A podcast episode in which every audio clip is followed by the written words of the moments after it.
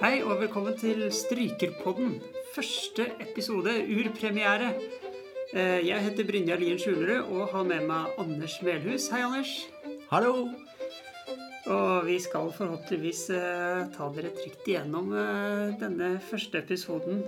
Men det er første gang vi gjør det her, så vi er litt på dypt vann. Hva føler du nå, Anders? Jeg er veldig nervøs. Ja, ja det skjønner jeg godt. Ja, men uh, først Denne strykepodden tenkte vi skulle handle om uh, hvordan man øver best mulig. Annet til å prøve å grave i skikkelig gode utøvere sine hoder og se hva som ligger bak prestasjonene som de uh, gjør på podiet. Og i tillegg å ta litt tempen på hva som skjer på strykefronten i Norge. Når det er gode solister, masterclasses rundt omkring, festivaler og den type ting. Men vi må kanskje presentere oss litt. Eh, Anders, kan ikke du si et par ord om deg selv? Ja, eh, Det er ikke så mye å si om meg. Jeg er 39 år og fra Målselv. Og så jobber jeg i Arktisk Filomeni. Det har jeg gjort siden 2008, eh, så det begynner å bli noen år. Og der er jeg da gruppeleder for andrefiolinene. Ja, Ja. Veldig fint. Ja, jeg heter da Brynjar og er konsertmester i samme orkester, Arktisk Filharmoni. Og vi har vært kollegaer siden du begynte å jobbe. Jeg begynte ett år før deg, tror jeg. Um, ja. Uh, liker å bo her i Tromsø. Og liker også å løpe. Og det var egentlig ja. sånn jeg kom inn på å skulle, å skulle lage podkast. Fordi at jeg er så glad i den podkasten til eh, Jan Post og Christian Ulriksen som lager I det lange løp. Og det har gitt meg så mye inspirasjon og tips og lærdom om løping at jeg tenkte at åh, at det ikke fins en sånn podkast for eh, strykere. Så man kan lære hvordan man skal øve, hvordan man skal eh, forberede seg best mulig til den jobben man skal gjøre. Og det fantes ikke, så da må vi lage den sjøl. Rett og slett. Det er utrolig spennende å høre. da. Du kom over den podkasten der. Ja, det var jo ikke så rart, da, siden Christian var treneren min. Men eh, det, det har i hvert fall vært en veldig stor inspirasjon for meg.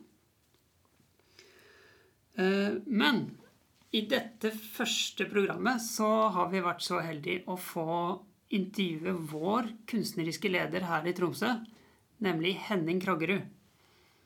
Og for de som ikke kjenner Henning, så er han altså 47 år fra Oslo spiller fiolin, bratsj og komponerer. Og han sier selv at han falt i den kulturelle gryta da han var liten. Eh, Han har vært solist med en hel haug med orkestre rundt omkring, og er en ettertraktet kammermusiker i hele verden. Han har undervist på Baratue i mange år, eh, men nå har han også fått et eh, professorat på Musikkhøgskolen. Og ikke minst da så er han jo kunstnerisk leder her i, her i Tromsø for Arktisk Filharmonisk Kammerorkester. Så jeg stilte han en del spørsmål om eh, øving og hans, eh, hans metoder. Og fikk en del eh, interessante svar, må si, som kanskje ikke er helt mainstream. Så her er intervjuet med Henning. Nyt og lær.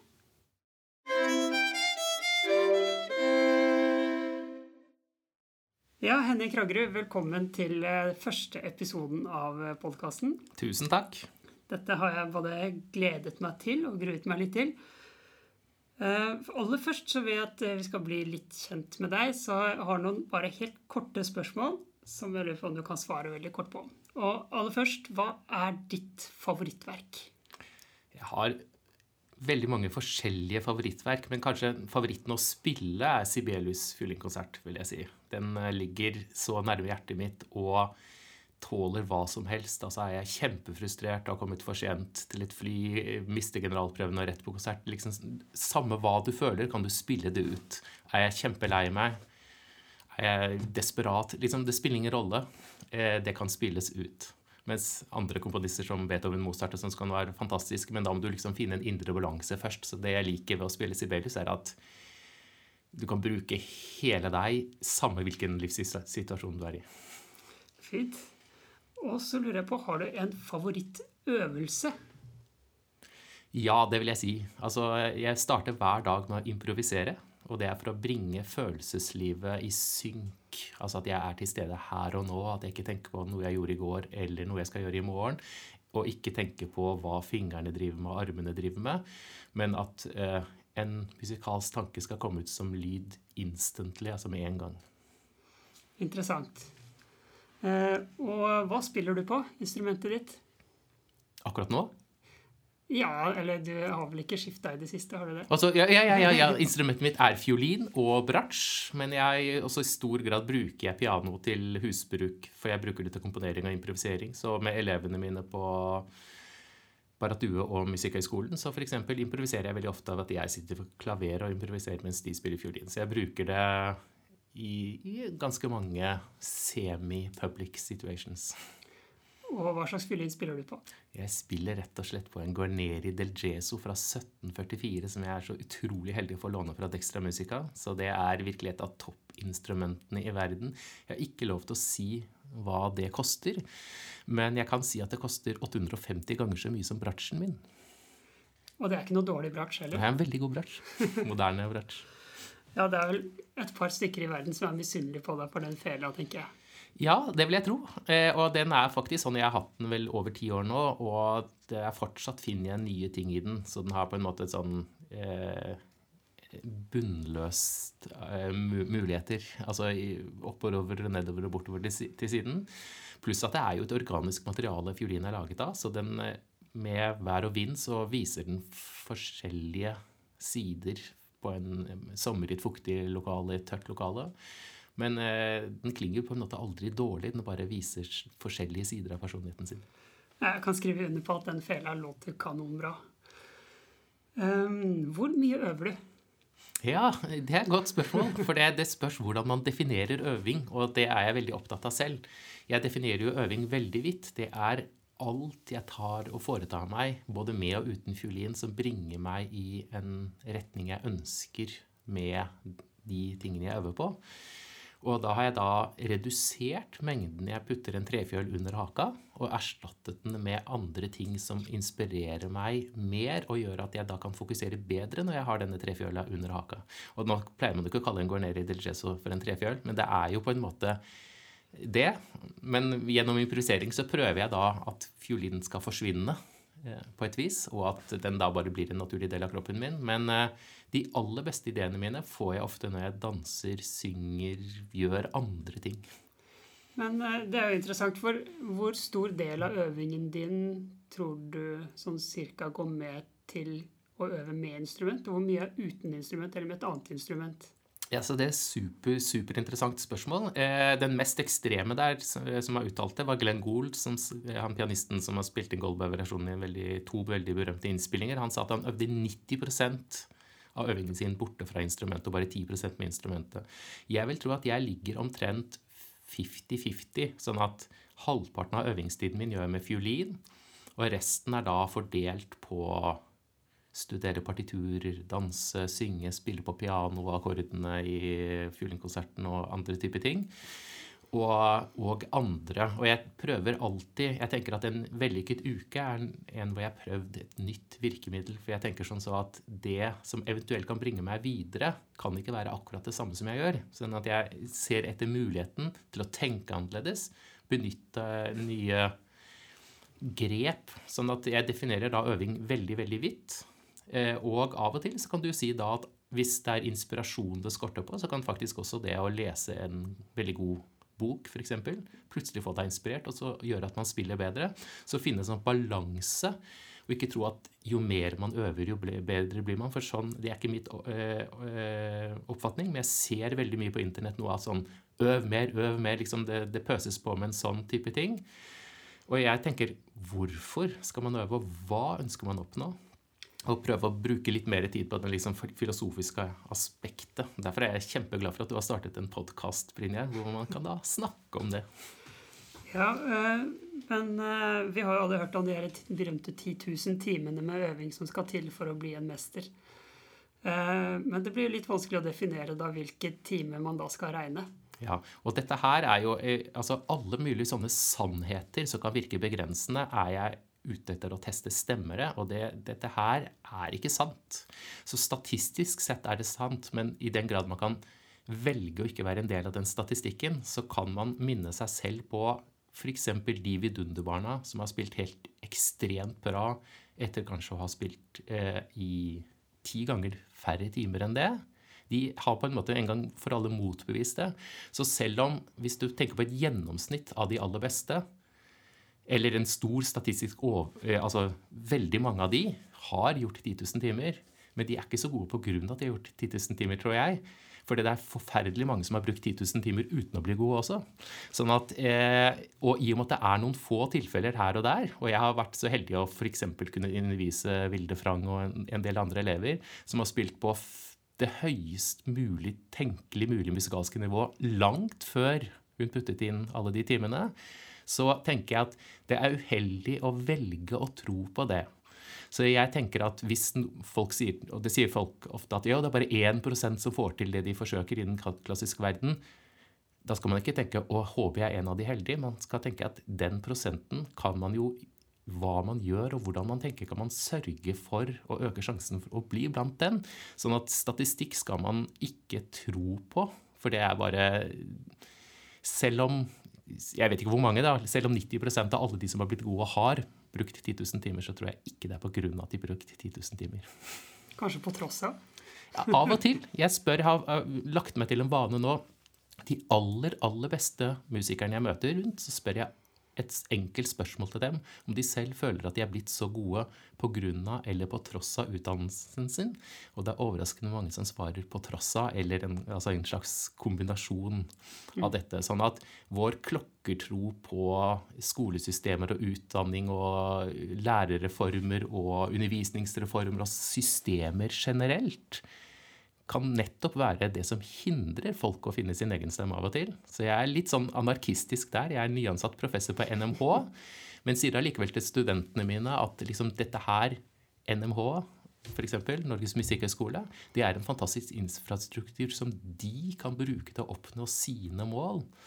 Så jeg vil bort fra den tankegangen om at når du starter å studere et sted, skal du gjøre sånn som du får beskjed om på et eller annet vis. For det, det er med på å det er ikke nok med på å stimulere folk til å virkelig spørre seg spørsmålet hva de vil, og hva de ønsker å uttrykke, og så skjønne at de selv egentlig er utdannelsesinstitusjonen, og de selv egentlig er læreren sin. Jeg er bare en veileder, og NMH er bare en infrastruktur. Sånn at uh, hvis, Det er liksom en sånn kampsak, da. Ja, Vi skal komme litt mer tilbake til stillingen din på NMH senere. Men eh, nå vil jeg forfølge litt det her med øving med og uten instrument. For når du skal øve og bestemmer deg for i dag skal jeg øve sånn og sånn, går du da til et rom og setter deg ned og tenker musikk eller spiller på piano eller gjør de tingene, eller går du på det rommet kun for å øve fiolin? Eh, og gjør resten vet ikke, på T-banen eller flyet eller hva det nå skulle være. Ja, altså Det er faktisk veldig veldig forskjellig ettersom hvilket stykke det er, og hvor jeg er i den prosessen. Så typisk hvis det er et eh, stykke som jeg aldri har spilt før, og som jeg vet er et, på en måte et stykke jeg skal legge veldig mye inn i, la oss si en fiolinkonsert jeg aldri har spilt før, som jeg skal spille, være solist med i løpet av de neste årene veldig veldig mange ganger, og vil investere veldig mye i. Typisk da vet jeg at jeg kommer lengst ved å sette meg inn på et rom med klaveruttog av den, og begynne å lete etter ting i stykket som jeg som spiller på en streng i hjertet mitt, eller altså et eller annet som jeg syns er verdi.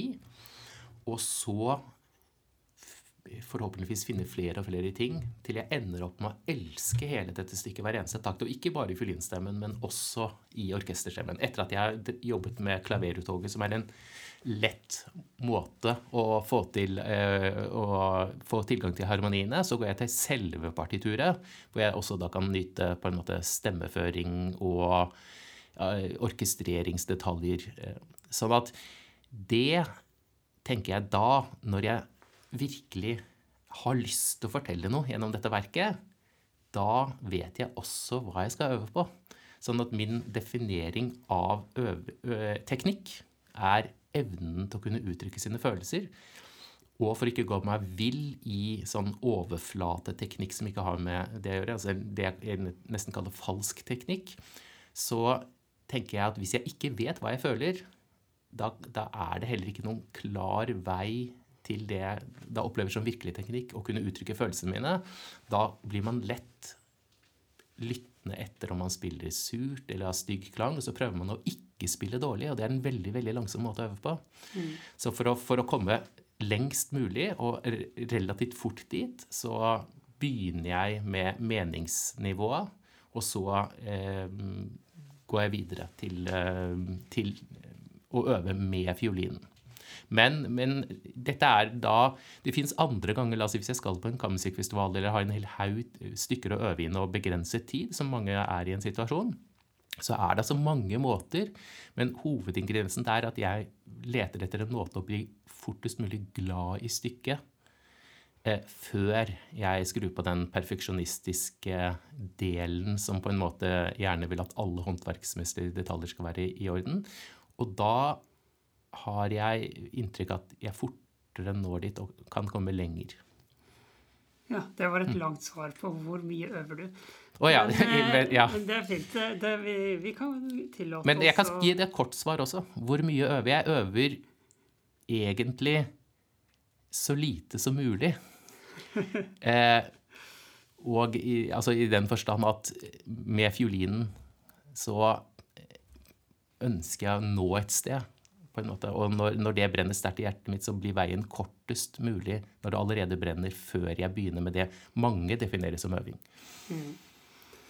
Så har du tenkt på hva du vil definere som din karrieres høydepunkt til nå?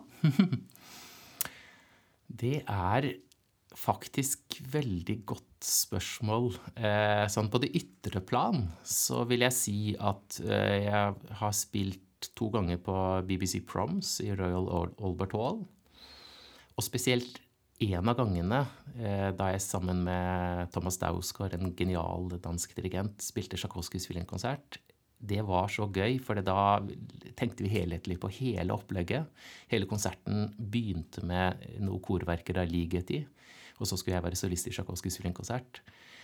Men siden disse korverkene av Ligeti sluttet med en D-dur-akkord, så bestemte vi oss for at vi, jeg rett og slett skulle gjemme meg inni annenfiolingruppen av orkesteret. Og den stemningen som oppsto i Royal Albert Hall da når Ligeti var ferdig, og folk så i programmet sitt at nå skulle Tsjajkovskijs violinkonsert begynne, og de hørte at orkesteret begynte, men de så jo ingen solist. Og så, når de så kom jeg stormende frem fra midt i Hanfjell-gruppa og stelte meg opp og spille. Det var så gøy! Så det, det må regnes som en, en høydere, vil jeg si. Kult. Eh, hva er den merkeligste konsertopplevelsen du har hatt? Merkeligste Og det har vært ganske mange Altså ganske tidlig, faktisk. Eh, en gang så dro jeg på turné med Nordnorsk Kammerorkester, hvor jeg satt i selve orkesteret. Hvor uh, Bjarte Engeseth hadde spurt om jeg ville være med. Jeg tror jeg var 14 eller 15. Det var liksom en av de første turneene mine. Og da var det for Rikskonsertene, da. Barnekonsertturné. Så endte vi et eller annet sted hvor denne barnekonserten foregikk samtidig med at det var både tivoli og sirkus i byen. Og det kom to publikummere. Og eh, det var en oppleser og dirigent og alt mulig sånn, og det, de endte med å gi de to blomstene sine til de to publikummerne. Og da så jeg også at liksom, det fins en politisk og en organisatorisk side ved kunst at selv, selv, om du har et veldig bra konsept og spiller veldig, veldig bra, så er jo dette her, om man når frem til publikum, også avhengig av en del andre faktorer. Så det essensen der vil jeg si at jeg elsker små konsertarrangører rundt omkring som er ildsjeler. Og et annet høydepunkt jeg har hatt på konsert, var at jeg spilte en recital med Håvard Gimse på Nesodden. Da for en helt fantastisk konsertarrangør. Og da var det liksom et lavt honorar, lokale mennesker stort sett som kom. Og fantastisk stemning. Og så tenker jeg at det er da like, på et vis like viktig som Royal Albert Hall personlig og musikalsk sett for meg, for det var like gøy. Mm. Bra. Da, da, skal vi gå litt tilbake igjen til din nye stilling på Musikkhøgskolen. Ja. Og gratulerer så mye med den. Jo, tusen takk. Jeg er altså fortsatt professor på Baratue musikkinstitutt, også i en 40 %-stilling, så nå jobber jeg begge steder. Men jeg er kjempe, kjempeglad for denne stillingen på Norges musikkhøgskole. Ja, og da lurer jeg på hva er det du ønsker å tilføre på Musikkhøgskolen? Ja, altså jeg ønsker å være med å utvikle den infrastrukturen i enda større grad til å være åpen, ikke låse seg fast i systemer, og være åpen sånn at de studentene som kommer inn der, skal få hjelp og støtte til å finne sin helt egen stemme. Ikke bli prøvd å presset inn i en eller annen eh, form eller et et forventningssystem. Eh, og at min tanke er jo at alle som har valgt å ville bli musiker Alle mennesker egentlig på jorden er jo utgangspunktet helt unike mennesker med sine helt unike sett av følelser. Og det at den, deres egen stemme skal få bli hørt og kunne brukes, det tror jeg er noe av det som kan gjøre en lykkelig som musiker. Og hva kan f.eks. hindre studenter å finne sin egen stemme? Jo, det kan til og med være selve utdannelsessystemet. Man blir liksom, kom på det orkesterprosjektet, øv inn det vanskelige stykket. Liksom man blir dynget på alt mulig sånn. Så det å kunne ta et skritt tilbake, f.eks. det jeg gjør med alle mine personlige elever, og også i orkestersammenheng, kunne improvisere med studentene, helt uten plan, f.eks. Ikke noe som skal brukes på eksamenskonsert, ikke noe som er en del av det formelle studiet. Prøve at man ikke blir så overveldet av alle mulige oppgaver at man glemmer å lete innover, hvis du skjønner. Og da ut, opp gjennom min egen utdannelse så tenker jeg at det var en del type ting som altfor få sa til meg, så var det også en del type hersketeknikker jeg ble utsatt for, og historieforfalskning jeg ble utsatt for. Som type 'du skal respektere komponistens intensjoner', var det jo dirigenter og lærere som sa til meg som, som slags nærmest eh, måte Ikke øk der, for det står ikke noe crescendo. Ikke øk crescendo der, for det det står en crescendo. Når jeg begynte å lese historien selv, så viser det at veldig mange av de store komponistene ikke mente det. De mente bare notasjonen var en slags indikasjon på hva de ville, og de ønsket at musikerne skulle gå en frihet. Så dette er også en ting jeg ønsker å fortelle disse studentene her, at dette er der den egentlige tingen er kan du bruke dette stykket til å fortelle din stemme? Det er mitt mål. Og da, i ytterste konsekvens, da, hvis det står crescendo i noten, men du på konserten føler for å gjøre en diminuendo, da bør du gjøre en diminuendo, for ellers er du uærlig mot deg selv. For etterpå, hvis, da, hvis, du gjør en crescendo, men som ikke føles riktig, og så kommer noen og sa ja, det der lød litt rart. Ja, ja, men det sto i noten. Jeg hadde også lyst til å gjøre diminuendo, men jeg lot være for det. Jeg måtte jo gjøre som komponisten har bedt om. Den tankegangen vil ikke jeg være med å forsvare. Jeg tror veldig mange kan være enig i mange av de tingene jeg sier, men det sies ikke tydelig nok. Eh, og det ble i hvert fall ikke sagt når jeg utdannet meg selv, tydelig nok. Og en del sånn type hersketeknikker, eh, som jeg kaller det, som, som, man blir møtt med hele tiden, kan være litt vanskelig å, å eh, oppdage. For liksom sånn, man blir jo du, jeg ble på en måte slags oppfordret til at jo, du skal jo liksom vie ditt liv til klassisk musikk, og du skal eh, gi altså sånn de store komponistene og andre, og du, du, har et ansvar for å spille samtidsmusikk. og liksom sånn, Som at man er den, en oppofrende. Min erfaring er at det tjener egentlig ingen på. Men hvis jeg blir connected med min egen inspirasjon, og det er det jeg ønsker at studentene skal bli også, så kan de tenke Oi, dette stykket her dette kan jeg gjøre min, på en måte en helt egen coverversjon av, holdt jeg på å si. Så sånn sett så kan du i pop- og rockverden, hvis du liksom skal gjøre en låt noen andre har gjort, da vil du bli skult litt på hvis du gjør den clean likt. Mens det er et ideal kanskje at man tenker å ja, ja, han har jo skrevet sånn komponisten har skrevet det og det i partituret. Vi må jo gjøre det. Så for å sette det på spissen så nevner jeg ofte denne samtalen som var mellom eh, Ravel og Toscanini. Toscanini en veldig veldig berømt dirigent, og Ravel en av de store komponistene. Og da Ravel kom til Toscanini, så sa han jeg er så glad for at du dirigerer verkene mine så mye. Og Toscanini svarte jeg elsker å være ambassadør for dine verker. Det er en stor glede for meg. Og så sa Ravel men jeg syns kanskje du velger litt for hurtige tempoer. Og så sier Toscanini ja, det er pussig du sier det, for jeg har reagert litt på noen av de tempoangivelsene dine, at jeg syns de virker litt langsomme, så jeg liker det med litt mer flyt. Så da sier Ravel jeg syns kanskje spille langsommere. Nei, sier Toscanini, jeg liker det fortere. Jeg liker det med den flyten. Og da ble Ravel litt sur, for han tenkte jeg er jo komponisten, regner jeg med. Og han sier da da vil jeg foretrekke at du ikke dirigerer verkene mine. Og det er da Toscanini svarer å nei, nei, nei, du har misforstått. Jeg elsker musikken din, og jeg kommer til å fortsette å dirigere den slik jeg elsker den. Så Ravel som komponist prøvde å lukke en dør for Toscanini, men det er egentlig ingen som kan lukke noen dører for deg annet enn deg selv. Sånn at det å lære å identifisere når noen prøver å ta fra deg en frihet, prøve å tvinge deg inn i noe sånn Nei, du må holde rytme, nei, du må gjøre ditt og datt. Ikke øk, ikke sakk, ikke Altså det er ofte velmenende. Så, og det sitatet jeg oftest bruker da, er at eh, veien til helvete er brolagt med gode intensjoner. Så summen av det, alle de gode intensjonene alle lærere og hele utdanningssystemet og hele samfunnet har, kan allikevel føre til stor ulykke.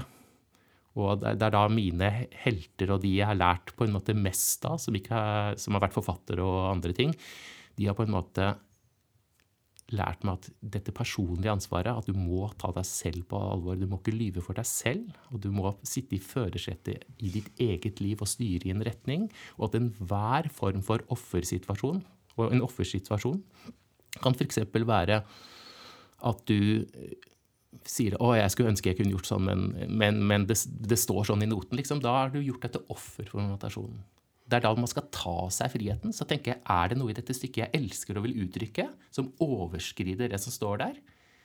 Veldig ofte. Ravel er egentlig unntaket, så har komponistene sagt at de ønsker at folk skal ta seg den friheten. Så du er egentlig ute etter å fjerne en del tvangstrøyer? Er det sånn å forstå? Absolutt. Jeg vil at man skal ta opp sannheter til fornyet betydning, eh, vurdering, og tenke er dette virkelig en sannhet for meg? Og det samme egentlig også gjelder dens egen øving. Man kan ha hypoteser om hva som bringer en videre, men de skal man også ta opp til uh, vurdering. Sånn at jeg har kastet på en måte, Det var en, en del av meg som da jeg var 18 23 år, trodde kanskje at jeg måtte gjennom veldig mye pinefullt og smertefullt for å komme frem til et godt resultat. Ja, man var kjempehardt, og liksom, det er masse slit for å komme frem dit. Jeg tror ikke på det, for når jeg evaluerer livet mitt tilbake, så har jeg kommet gjort de store fremskrittene når jeg har vært inspirert og hatt det gøy. Så jeg tror ikke på den der 'livet skal være en jammerdal'. Det, det er veldig godt å høre. Ja. uh, litt videre nå, kan du beskrive den prosessen som uh, skjer fra du bestemmer deg for et stykke du har lyst til å spille, eller får i oppdrag å spille et stykke, mm. til du står på podiet og skal gjøre den for første gang? ja, det er veldig omfattende spørsmål. Jeg skal i hvert fall prøve å svare på Men Her skal du få god tid. Ikke sant. Jeg skal prøve å svare på dette her. For det første, som du begynte, så er det veldig viktig at man opplever at man har valgt det stykket selv. Så hvis man er i en situasjon hvor man blir på en måte presset fra et management eller dirigent til å gjøre et stykke, så man må prøve å finne sin egen aksje og så ta et valg. Ønsker jeg å spille det, eller eventuelt si nei til å spille det. Jeg er i en sånn luksussituasjon så jeg veldig ofte kan gjøre det. Jeg blir sjelden presset til å spille noe mot min vilje. Men allikevel så kan det være sånn Du kan jo ikke si nei til den og den berømte. Jo, hvis jeg ikke liker stykket. Så jeg har begynt av og til på en måte når folk spør ja, hvorfor vil du ikke spille Stravinskij septett på den festivalen, liksom, det er så gode musikere. Og da svarer jeg alltid nei, jeg liker ikke det stykket. Og det er liksom Oi, går det an å svare det? Det er jo et vedtatt eh, viktig stykke. ikke sant? Sånn, men jeg har tro på det, og der støtter jeg meg til Robert Schumann. Han sier når du går på scenen, så skal du elske det du spiller. Men han sier også at man skal vise nysgjerrighet for ting du ennå ikke elsker, for det kan være at det ligger noe i det. Så det jeg begynner med da, hvis jeg får en forespørsel, du begynner jo ofte med det, eller at jeg bestemmer meg selv, men da bestemmer jeg meg selv for å spille noe jeg elsker, så det er lettere. Men hvis jeg får en forespørsel med et stykke jeg ikke kjenner, så lytter jeg på det, ser på partitur og andre typer ting for å se om det trigger et eller annet interesse. Hvis det gjør det, så behøver det ikke være at jeg forstår alt ennå, men da begynner jeg å liksom studere det. Og det kan da være litt ettersom hvor god tid jeg har, og hvor mye eh, krefter jeg tenkte tenkt å bruke på det, og hvordan type stykke det er, hvilken metode jeg bruker. Så det typisk kan være at jeg hører på en innspilling av en Symanovskij-strykkvartett eller et eller annet sånt, for å finne ut er den i, i det hele tatt i et type landskap som interesserer meg. Eller Janaceks strykkvartett, for den saks skyld. Og så er det noe som fascinerer og interesserer. Og da, da blir det lett å tenke et magevalg som jeg eier selv. Ok, dette har jeg lyst til å gjøre. Fra det punktet, hvis jeg da har bestemt meg, og, og, og så prøver jeg da å tenke hvordan kan jeg komme inn i verden av det stykket lettest. Og da er det, det er ikke én måte å øve på. Sånn at eh, jeg kan bli voldsomt inspirert av en, en, innspilling av noen som viser frem noe fantastisk i et stykke. Men av og til så er det jo stykker som ikke fins innspilt, f.eks. Eh, eller sånt. Eh, og, og, da i en del sammenhenger, og det er jeg glad for nå, hvor jeg ikke hadde tilgang på å høre på innspillinger, så ble jeg på en måte tvunget til å sitte ned ved piano for å skaffe meg litt oversikt over hvordan dette klinger. Og så fant jeg ut at det var en bedre måte for meg å bli glad i musikken.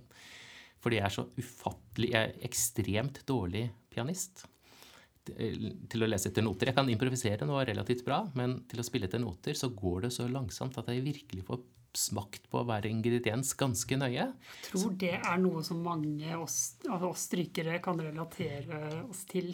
Men jeg leter alltid da etter ressursen i den tilsynelatende dårlige situasjonen. Så den ressursen for meg ved å være en dårlig pianist, er at når jeg da satt med en pianostemme alene og tråklet meg gjennom, så oppdaget jeg helt andre ting enn jeg oppdaget når jeg brukte pianisten der jeg studerte, til å spille gjennom med og liksom fikk en god pianist, for da gikk det så fort unna at jeg oppdaget det egentlig ikke. Og jeg oppdaget det ikke selv.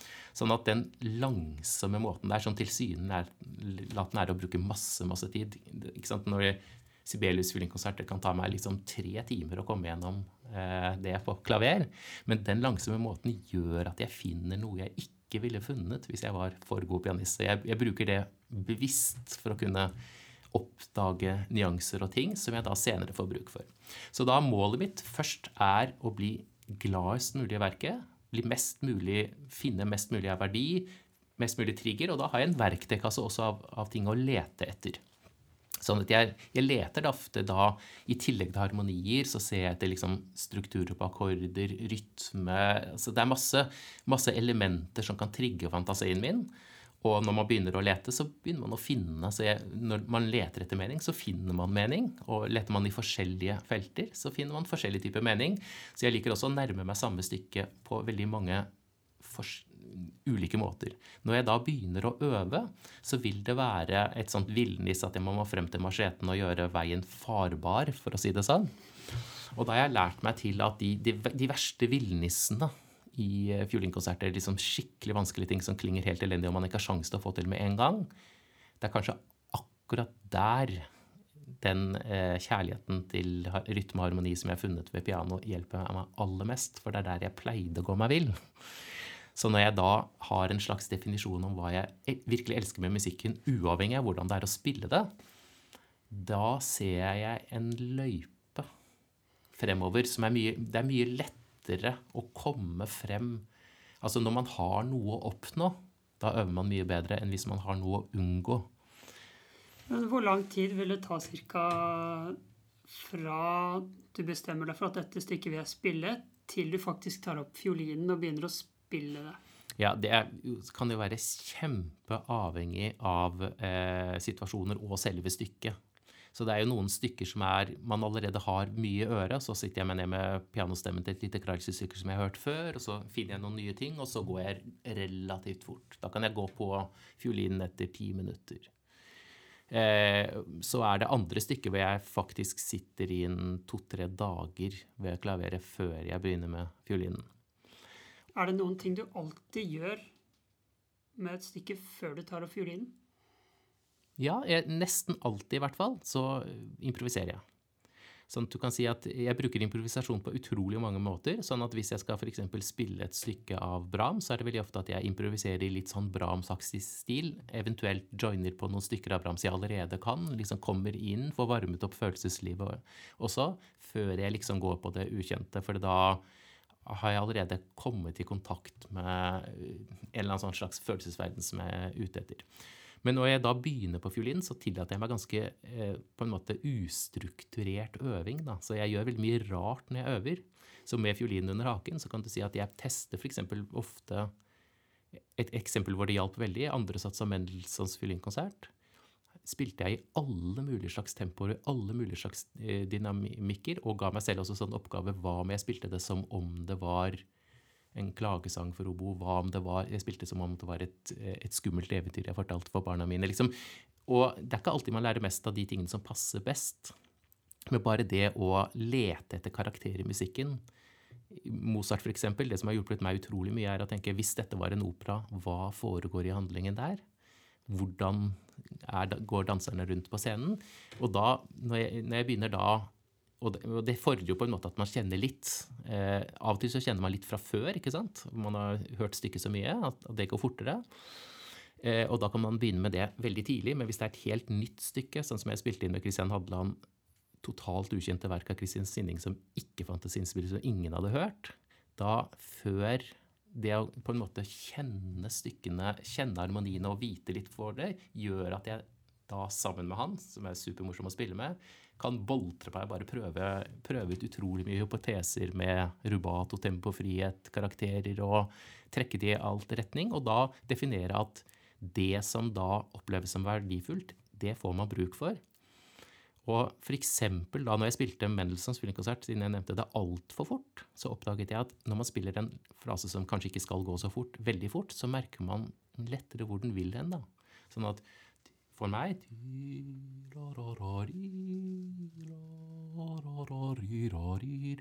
Så mens jeg spilte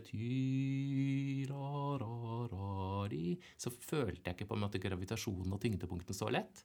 Og når jeg da oppdager noe i et raskere tempo, så kan jeg bringe det med meg til det tempoet som jeg tross alt syns da er finest eh, balansegang mellom alt. Mm. Og også da å spille forte passasjer.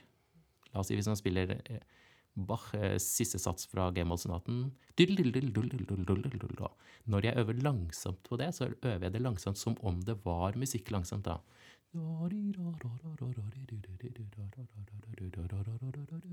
Og da oppdager jeg ting ved musikken, liksom fortellerstemmen min og alt oppdager ting som jeg ikke hadde hatt sjanse til å oppdage mens jeg spilte fort, men som jeg kan ta med meg inn. For jeg oppdager liksom muligheter, da som det da blir fort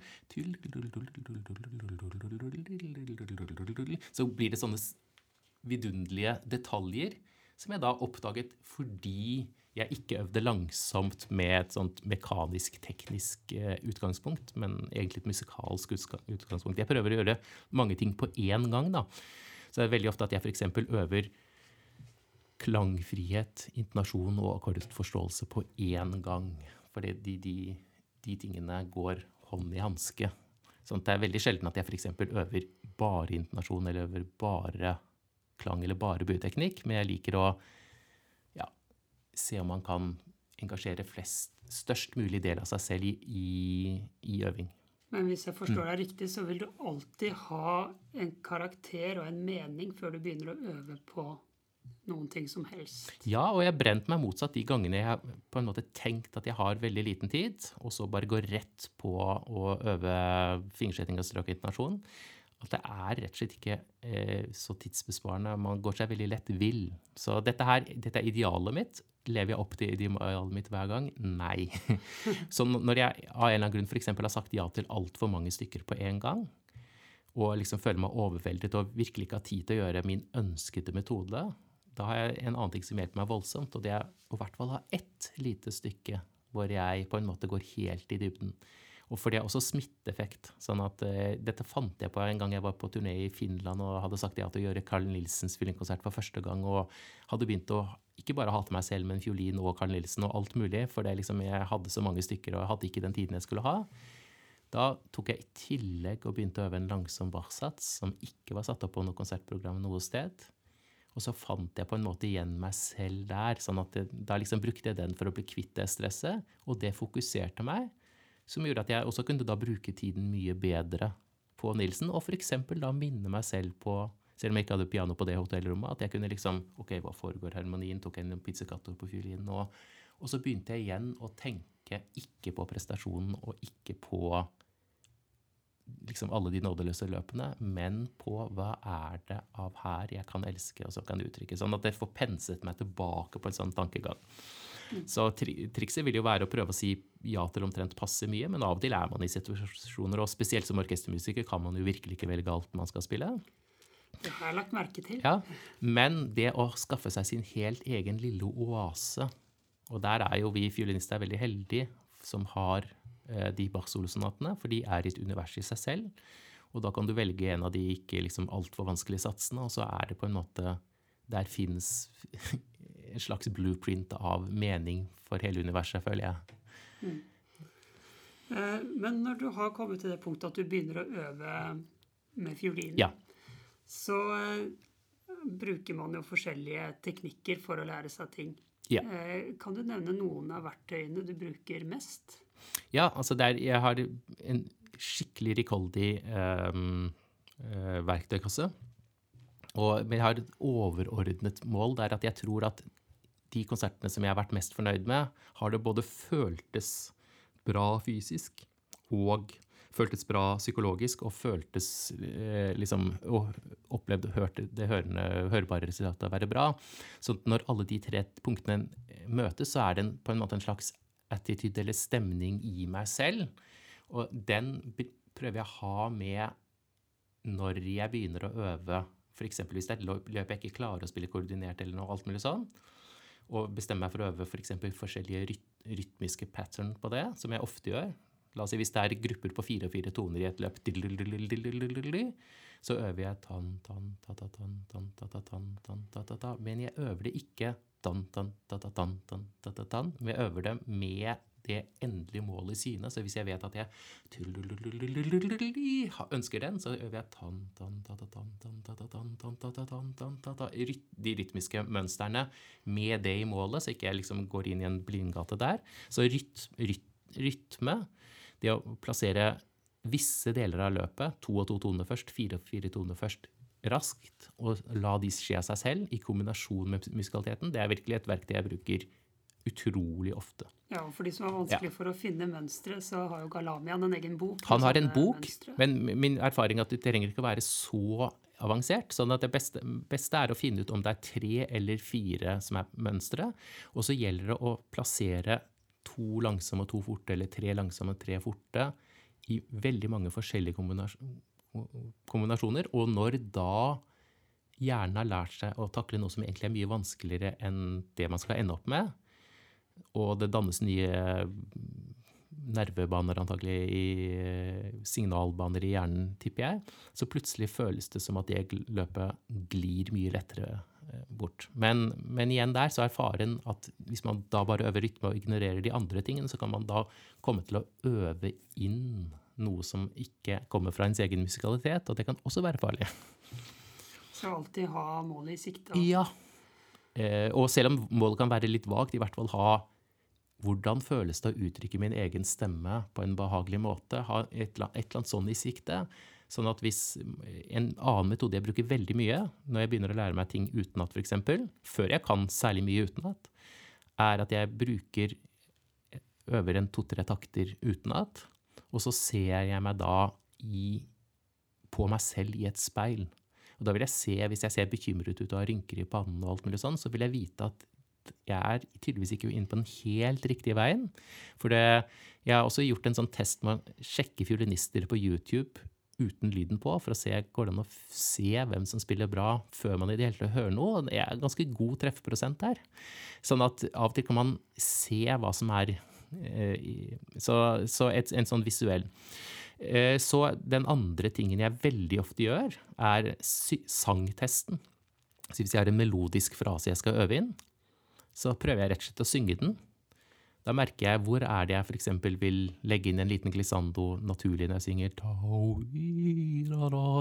Og det kan da være veldig smart å gjøre før du bestemmer seg for fingersetning, så du f.eks. ikke ender opp med en klinisk fingersetning på et romantisk sted du ville sunget med glissando, eller motsatt, ender opp med sausete glissandoer i et løp som du ville foretrukket Sånn at eh, så, men av sånn rent tekniske metoder da, som jeg bruker på stykket, så er det jo også da den tingen at hvis det er noe vanskeligheter, f.eks. en akkord som er vanskelig å få ren, så det første jeg gjør der, er å bygge den opp ren så den føles deilig fysisk og klinger, klinger bra. Det er da ofte veldig behagelig. Altså Hjernen sender ut noe endorfiner når den hører en, en god lyd og liksom oppleves som fin. Da prøver jeg å si til meg selv hvordan føles det i kroppen når den vanskelige akkorden klinger sånn som jeg ønsker at den skal klinge. Og da, på vei opp til den akkorden, så prøver jeg å minne meg selv på det. Og hvis jeg klarer å finne den følelsen jeg ønsker å ende opp med før jeg nådde den akkorden, da pleier jeg å treffe den akkorden. Sånn at eh, Men av sånn rent konkrete tekniske tips så kan det være hvis man har sekvenser med akkorder, f.eks., som det ofte er, kanskje i en Paganini Caprice eller noe annet, masse akkorder på rad. I tillegg til å øve langsomt for å finne nytelsen av hvordan det føles i kroppen når det er rent, så øver jeg veldig ofte tre og tre av akkorder. For det gir hjernen litt tid, kjøper hjernen litt tid, og gjør at du egentlig får alle akkordskiftene i det forte tempoet, men istedenfor så tar jeg tre på hver.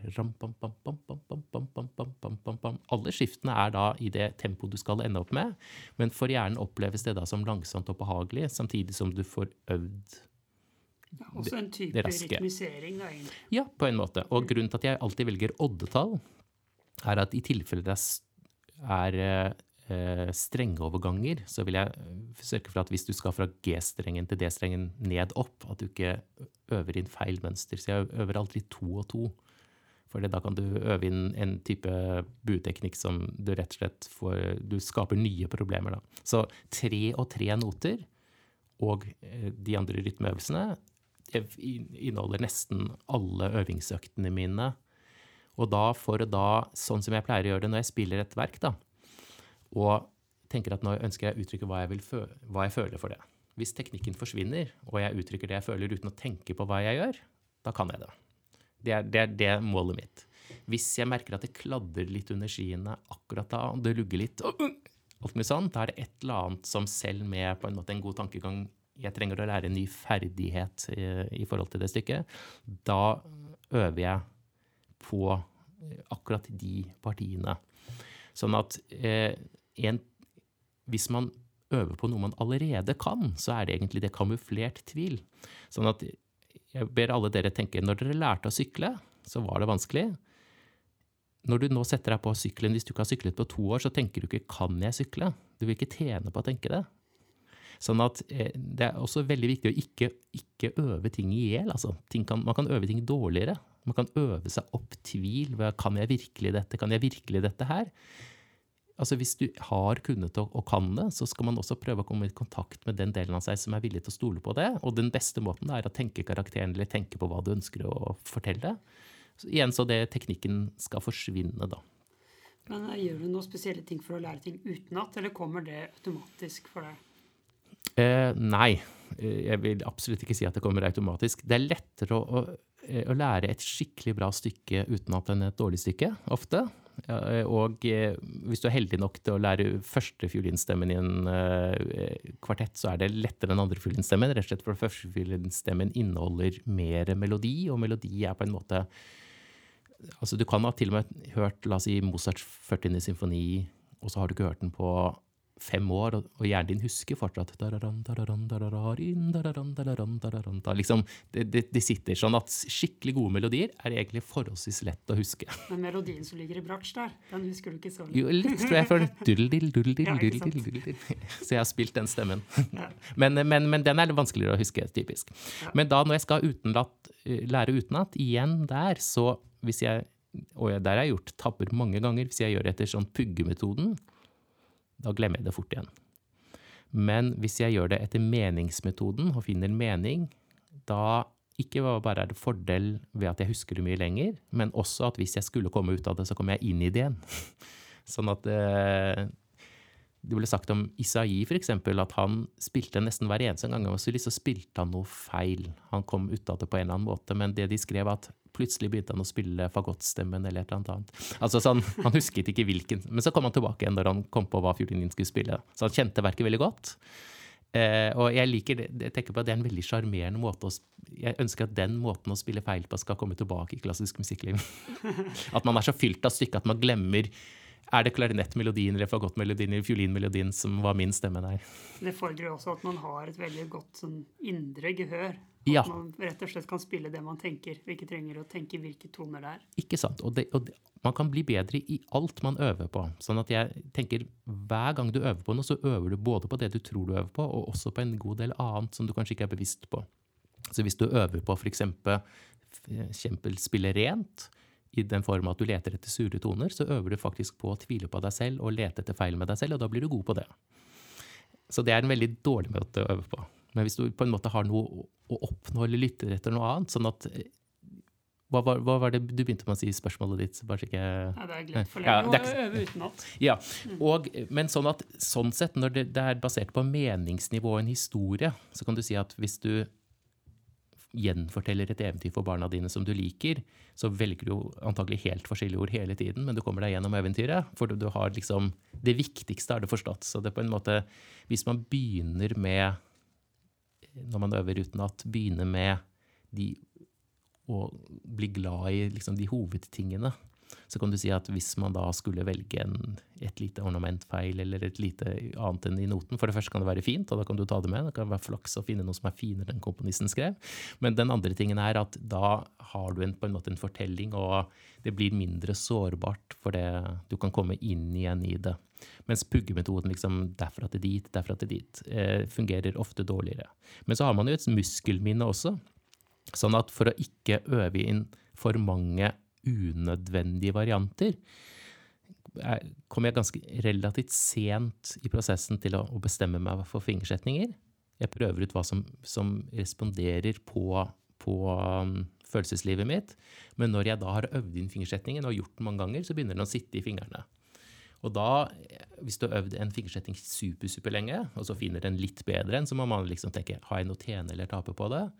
Hvis du har noe å tjene på det, og du vet akkurat hva du oppnår, så blir det ikke noe vanskelig å huske den nye fingersetningen, for du husker hva du ønsker å oppnå. Og hvorfor? Ja, men, eh, men hvis en lærer bare har sagt til deg og dette er bedre, og du må gjøre det, og så på en måte har du, skjønner du ikke helt hvorfor, og alt mulig sånn, da, da blir det mye vanskeligere å huske den utenat. Sånn at igjen der, ta over ansvaret når man, er- i hvert fall når man har kommet opp i en viss alder og har begynt å tenke selv, så bør man definere seg selv som sin hovedlærer og alle sine lærere som veiledere.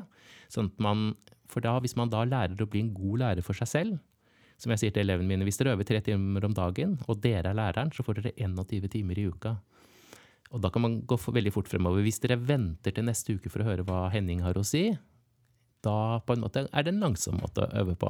Så, så det at jeg nå har blitt en veileder på Norges musikkhøgskole, som mottar professorlønn, det er helt fantastisk. Ja, ja. Gratulerer med det. Takk. Uh, men hvis jeg forstår deg rett, så er det både de tekniske og de mer eh, hva skal jeg si, interpretasjonsmessige tilnærmingene dine har med følelseslivet å gjøre. Du kobler alltid følelser til det du øver på. Ja. Og rett og slett sånn som jeg har begynt å kalle det vanligvis folk kaller teknikk, det er håndverksmessige detaljer. Men min definisjon av teknikk, som jeg nevnte i stad, men jeg gjerne gjentar mange ganger, teknikk er evnen til å kunne uttrykke det du føler. Hvis det du spiller ikke uttrykker noe du føler, så kaller jeg det for falsk teknikk. Altså det er rett og slett skadelig. Du øver deg bort fra deg selv og bort fra din egen stemme, og da ender man ofte opp med å prøve å øve så man ikke spiller dårlig.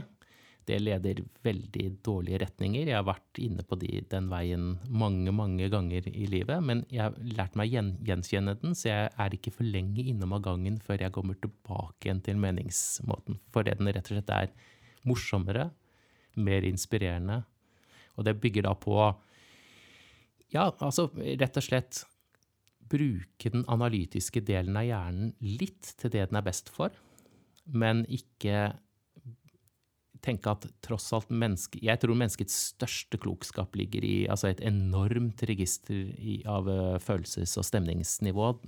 De sier at én følelse kan bære 150 på en måte eh, ordre for muskler til å gjøre. Så hvis du kommer på f.eks. hvordan føles det å legge på svøm og ta et fraspark, så kan du huske hele den følelsen, og du bør ikke tenke i det hele tatt på hva du gjør med musklene. Og det samme hvis du finner ekvivalenten i begynnelsen av Svendsen Mangsen. Og det oppleves som én ting, så du, setter du i gang det. Da er det rett og slett eh, ikke tenke på hva man gjør med håndleddet, ikke tenke på hva man gjør med noe som helst, men bare gjenkjenne den følelsen, og så bærer den alle de instruksjonene som du trenger. Og satt på spissen så tenker jeg også Jeg spør av og til folk hvis jeg har mistanke om at de tenker litt for mye, eller meg selv hvis jeg har mistanke om at jeg tenker litt for mye, så sammenligner jeg det med å snakke. Sånn at hvis du tenker hva er det tungen din gjør hver gang du sier bokstaven R, og hver gang du sier bokstaven S, Tror du vi hadde fått noe særlig god samtale hvis vi begge to tenkte på det? Brynjar? Det kunne gått litt trått. Ikke sant? Men jeg tror faktisk så ille står det til i klassisk musikkliv. Jeg tror faktisk veldig mange tenker på hva de gjør med fingrene og eh, opp- og nedstrøk og vibrato og ditt og datt, og faktisk glemmer hvorfor og hva de elsker med musikken. Sånn at det er en stor jobb. Og da absolutt kjappeste måten jeg klarer å nå dit, er improvisering. For der, der, har du ikke tid til å tenke på alt det. Du må tenke på hva den neste tonen du har lyst til skal bli, og så kommer den neste tonen. Og, så jeg anbefaler alle dere, alle elevene mine nå på NMH å improvisere med meg. Og bortimot alle har i hvert fall sagt at de var mye bedre enn de trodde. Prøv å improvisere hver dag i to uker. Ta det opp på mobiltelefonen din, og så lytt velg ut det, det, du syns var finest, skriv ned på papir, og da er du komponist. Og du blir komponist også mye lettere enn folk tror. Og det er også en ting jeg tenker at vi er, I klassisk musikk så var det vanlig at utøvere var komponister, og komponister var utøvere. Og jeg tror både komponister og utøvere vil tjene på det.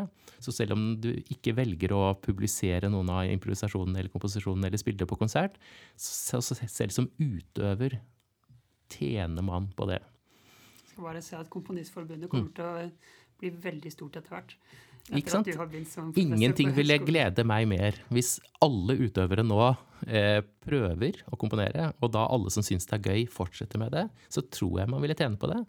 Og samtidig så kan du si at jeg tror også de komponistene vi har som også er utøvere, sanker veldig nyttig informasjon av å være utøvere. Og det trenger ikke å være utøvere på profesjonelt plan. sånn at det, det, er komponister som da har vært amatørmusikere. Men det liksom å være i kontakt med det, hva det vil si å spille, det tjener man på også, fra komponistsiden også. Men nå har vi kommet til eh, at du har lært deg stykket. Du kan det mm. utenat. Yeah. Konserten nærmer seg.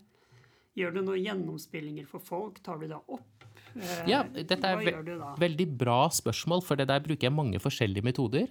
Sånn at eh, en av de tingene jeg har begynt med nå, er å ta opp veldig mye.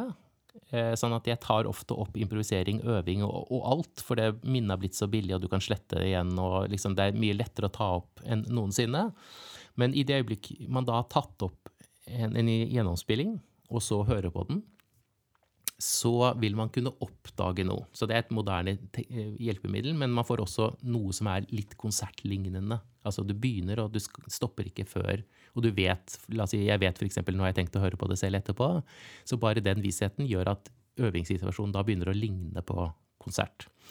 Og eh, det jeg gjør etter det, kan ofte være å spørre om noen jeg stoler på eller syns er behagelig å spille eh, for, vil høre gjennom. Så jeg kan spille gjennom for konen min Julia, som er veldig god fiolinist, eller datteren min Alma, som er veldig god fiolinist.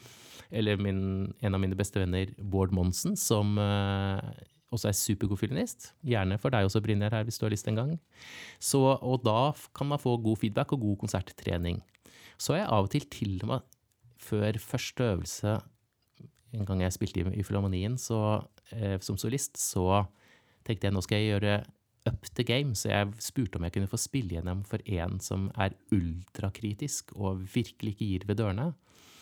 Og han satt med partitur og skrev ned liksom alt han var misfornøyd med. alt mulig sånn. Og da opplevde jeg, når jeg dagen etterpå, eller to dager etterpå kom til første øvelse med Oslo Filharmonien, at det var veldig behagelig. For jeg hadde syntes det var veldig mye mer ubehagelig å spille for den ultrakritiske personen. Sånn at av og til kan du gå over. Du kan bevisst gjøre en ting vanskeligere for å kunne oppleve lettheten. Dette er for øvrig også noe jeg bruker i øvingen, så hvis det er ekstra vanskelig passasje på fiolin, så øver jeg den ofte en oktav over, hvor den virkelig er bortimot umulig. Bare for å kunne oppnå den at 'oi, så lett det er', sånn som det var skrevet. Altså, bare for å lure sånn at Øver du også over tempo?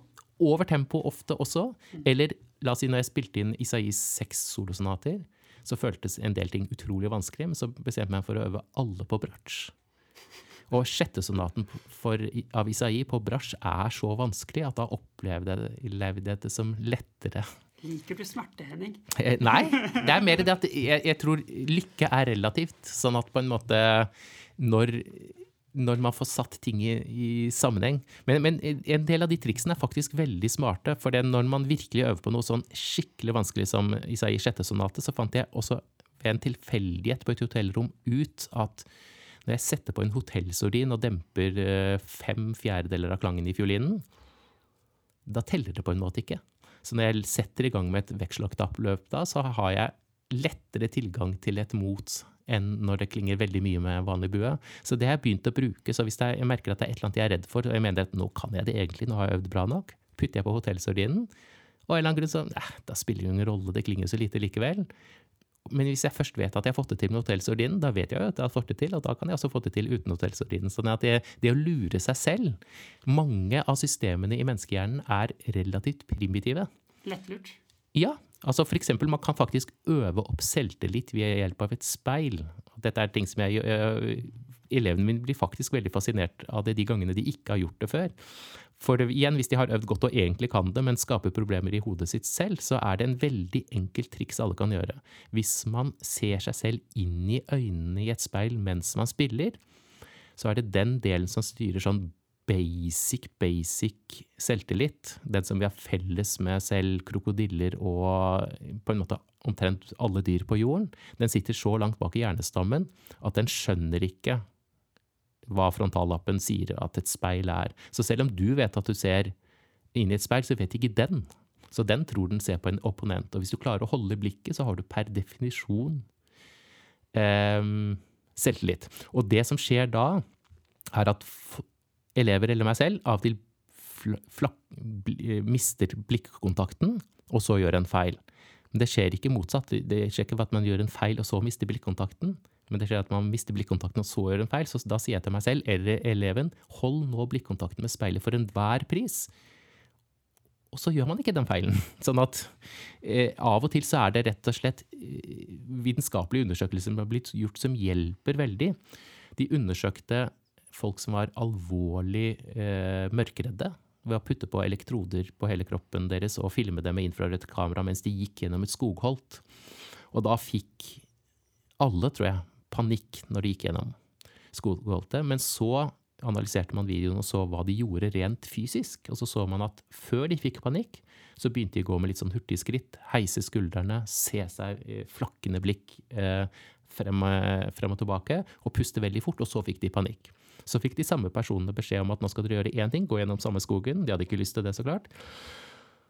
Men passe på at skuldrene er nede Pusten går langsomt, og når dere føler en behov for å kaste flakkende blikk til siden, skal dere ikke tillate dere selv det. Og da fikk de ikke panikk. Så kroppen er ikke i stand til å få panikk uten de innledende signalene til den. Så det fins faktisk måter. Og en jeg bruker i Sibelius konsert, jeg må bare nevne den også, det er, når, det er et sted hvor rett før kadaksen Jeg har alltid vært fascinert over katter. Når de hopper opp, opp på et bord, så hopper de ikke ti centimeter for høyt, de hopper rett opp på bordet. Og mennesker har jo mye større hjerne og kan egentlig alt kattene kan, eller ikke alt, men noe av det kattene kan. Så spør man hvordan kan man lure hjernen sin til å ikke tenke for mye på det løpet? Jo, det er superenkelt. Du må tenke på hvordan klangfarge du vil ha på tonen etter det store spranget.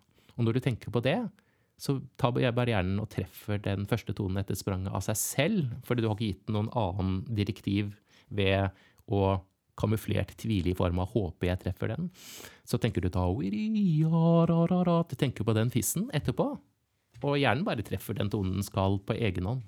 Ved at du ikke tenker ja, det. Så det, det, er vel noe med å ta bort fokuset fra ja, det kroppen egentlig kan sjøl, også når du går gjennom skogen og får panikk. Hvis du tenker på at skuldrene skal ned. Ja så har du på en måte tatt bort fokuset fra at du har panikk. Ja. Sånn at jeg, let, er alltid ute etter å lete etter ressursene i situasjoner. Til, situasjoner som tilsynelatende er uten ressurser, har ofte veldig store ressurser. F.eks. er et problem med mennesker er at vi er veldig dårlige til å tro og tvile samtidig. Vi liker å gjøre én ting av gangen. Og da, hvis det er noe veldig vanskelig i venstre hånd, så fokuserer jeg typisk på først å øve det veldig lette i buen og når jeg da har øvd rytmer og sånn, og vet egentlig at jeg kan det med venstrehånd, hvis jeg da tenker på buen, så tenker jeg altså åh, det var deilig å spille her. da tror jeg, og da klarer ikke samtidig systemet mitt å tvile på venstrehånd mens jeg tror på høyrehånden. Så da tar jeg fokuset bort fra det vanskelige hånden, fordi jeg har øvd nok på det, til eh, strøket, og så vil kroppen kunne gjøre det bedre. Nå forstår jeg det rett, at du bruker mye av tiden før en konsert til å booste selvtilliten din? Ja da, absolutt. Eller rett og slett altså sånn, Det fins jo mange sånn 'du er best' og 'elsk deg selv'. Det fungerer ikke alltid. for det sånn, Så istedenfor å si å booste selvtilliten, så vil jeg si komme i kontakt med min egentlige stemme. Altså det egentlige jeg. Så veldig ofte før konsert så vil man finne at jeg står og improviserer. Mm. Og eh, av og til når jeg står og nyøver på en eller annen passasje jeg kan dårlig, så er det faktisk dårlig anvendt tid, og jeg gjør den samme tabben rett som det er av og til. Fortsatt. Eh, men når jeg da tar meg i det for tenkt på det, så velger jeg av og til en annen strategi. Så akkurat den verket jeg holder på å komponere på nå, en sånn dobbeltkonsert som snart er ferdig, den husker jeg var i Amsterdam og skulle spille med nederlandsk kammerorkester ganske profilerte konserter i Konsertkabau og sånn, og da hadde jeg skjøt meg inn i litt sånn litt for mekanisk spor og øve på ting. Og så tenkte jeg dette er ikke riktig, så da satte jeg meg ned og spilte på piano, som var eh, backstage.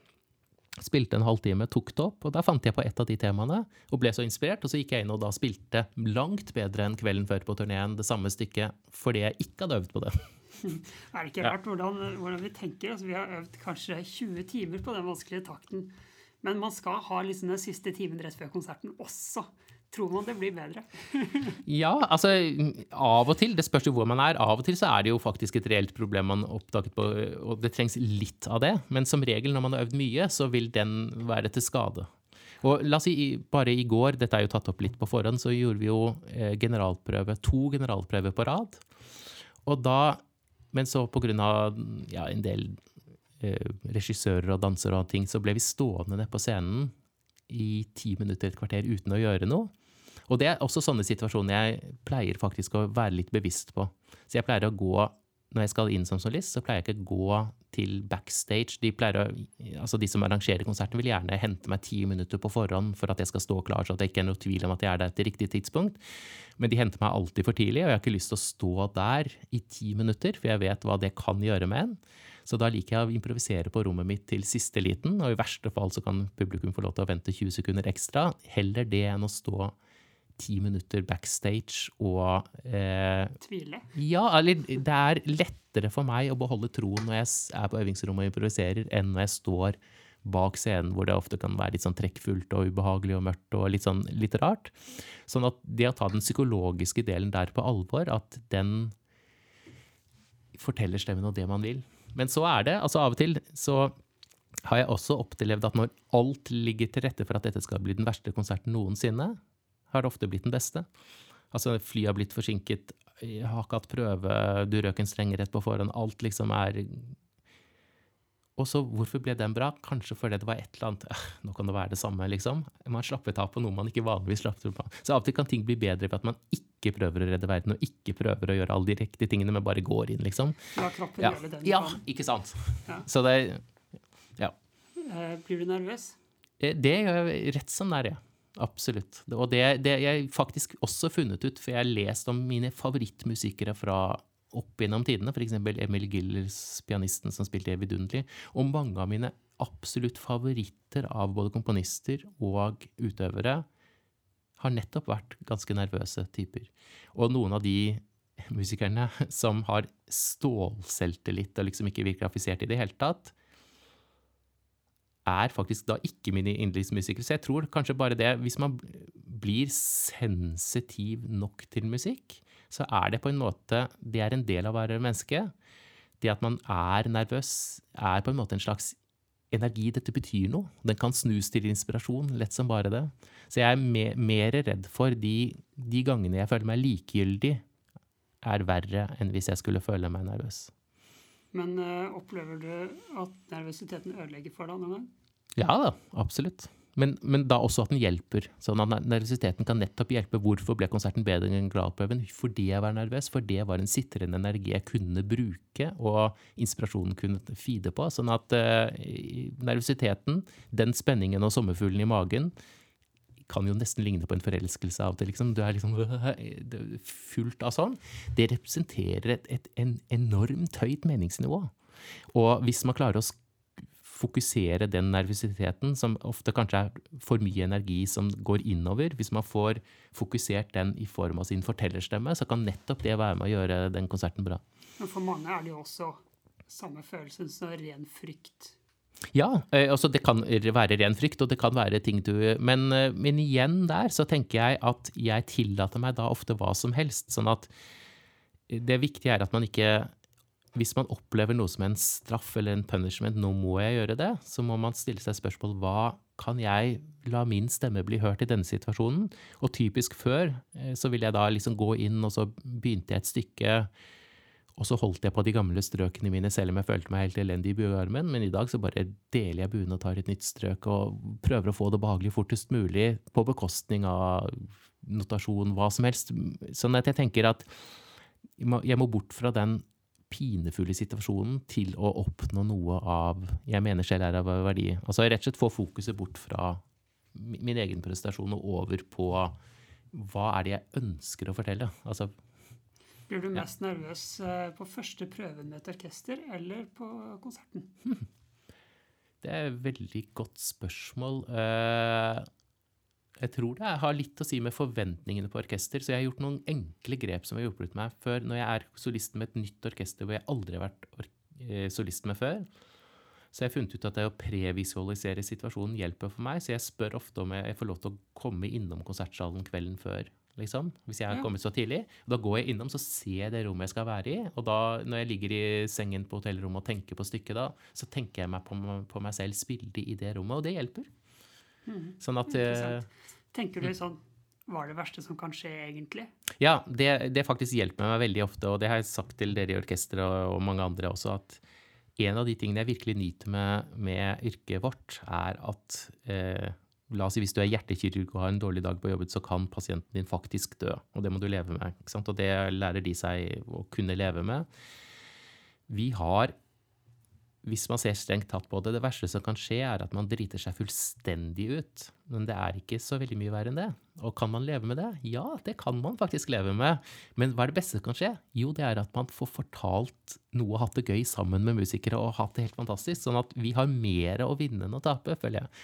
Så jeg er superfornøyd med yrket vårt, sånn sett. Og det, det å minne seg selv på det hjelper da. Ta litt bort den jeg husker at jeg hadde en lærer jeg skulle spille en Bach-fuge, og så sa jeg men hva hvis jeg kommer ut av det, da? Og så sa han ja, hva så? Og så tenkte jeg litt over det. Ja, hva så? Og det hjalp. Det var en utrolig bra kommentar. det var en veldig fin avslutning ja. på intervjuet. Tusen takk, Henning, for at du ville komme hit og snakke med meg. Ja, tusen takk for at jeg fikk komme. En stor ære å kunne være her i første programmet, og veldig bra initiativ du har gjort, Brynjar. Jeg ja, skikkelig gleder meg til dette. Og lykke til på Musikkhøgskolen og med alle konserter og prosjekter du har framover. Ja, hyggelig.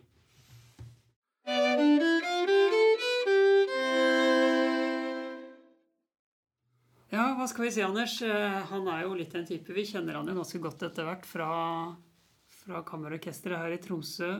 Og ingenting av det her kommer vel som et sjokk på oss. Men det hadde nok gjort det for fem år siden, eller hva tror du? Muligens, men jeg, jeg må jo si at man blir jo bare enda mer kjent med Henning etter intervjuet her. Ja, enig. Det er ikke Altså, det har vært veldig innholdsrikt, i hvert fall. Men Var det noen spesielle ting du bet deg merke i her? Um, ja, det gikk jo litt uh, gjennomgående, det her med at hans favorittøvelse var å improvisere. Ja, Det er kult. Ja, det syns jeg. Spesielt uh, innenfor uh, det å være klassisk musiker, da. Så er det kanskje noe som man ikke tenker over at det er eh, Eller man tror kanskje ikke det er så utbredt i dag som, som det var før. Ja, altså Jeg blir jo livredd hvis noen ber meg improvisere. Mm. Det er sånn Åssen gjør man det? Lurt aner ikke Ikke sant? Mm. Mens uh, det er kanskje mer utbredt enn man tror blant de virkelig toppmusikerne. Det er, eh, det er kanskje noe man gjør. Jeg vet ikke. Det kan jo bli spennende å se når vi intervjuer andre etter hvert. Ja, absolutt. absolutt. Og, og, det var jo uten tvil veldig vanlig blant komponister før i tiden. De som Altså, Bach var jo en stor improvisatør og var mest kjent for det. Og Mozart improviserte mye. Det var jo Altså, det var jo, det, de var jo musikere fra A til Å, på en måte. Det var bare, både improvisatører, komponister og utøvere. Og, og, det er jo litt det Henning snakker om her òg, som, som gjør deg til en hel musiker. da. At man mm. ikke skal bare være, bare være utøver, bare i ene enden av, eh, av eh, den skapende prosessen. Så jeg bet meg mest uh, merke i det. Altså. Det at man trenger ikke bare være komponist eller utøver. Det går an å være begge deler. Det gjør det. Og med det så avslutter vi for i dag. Takk for nå. Vi høres igjen om en måned.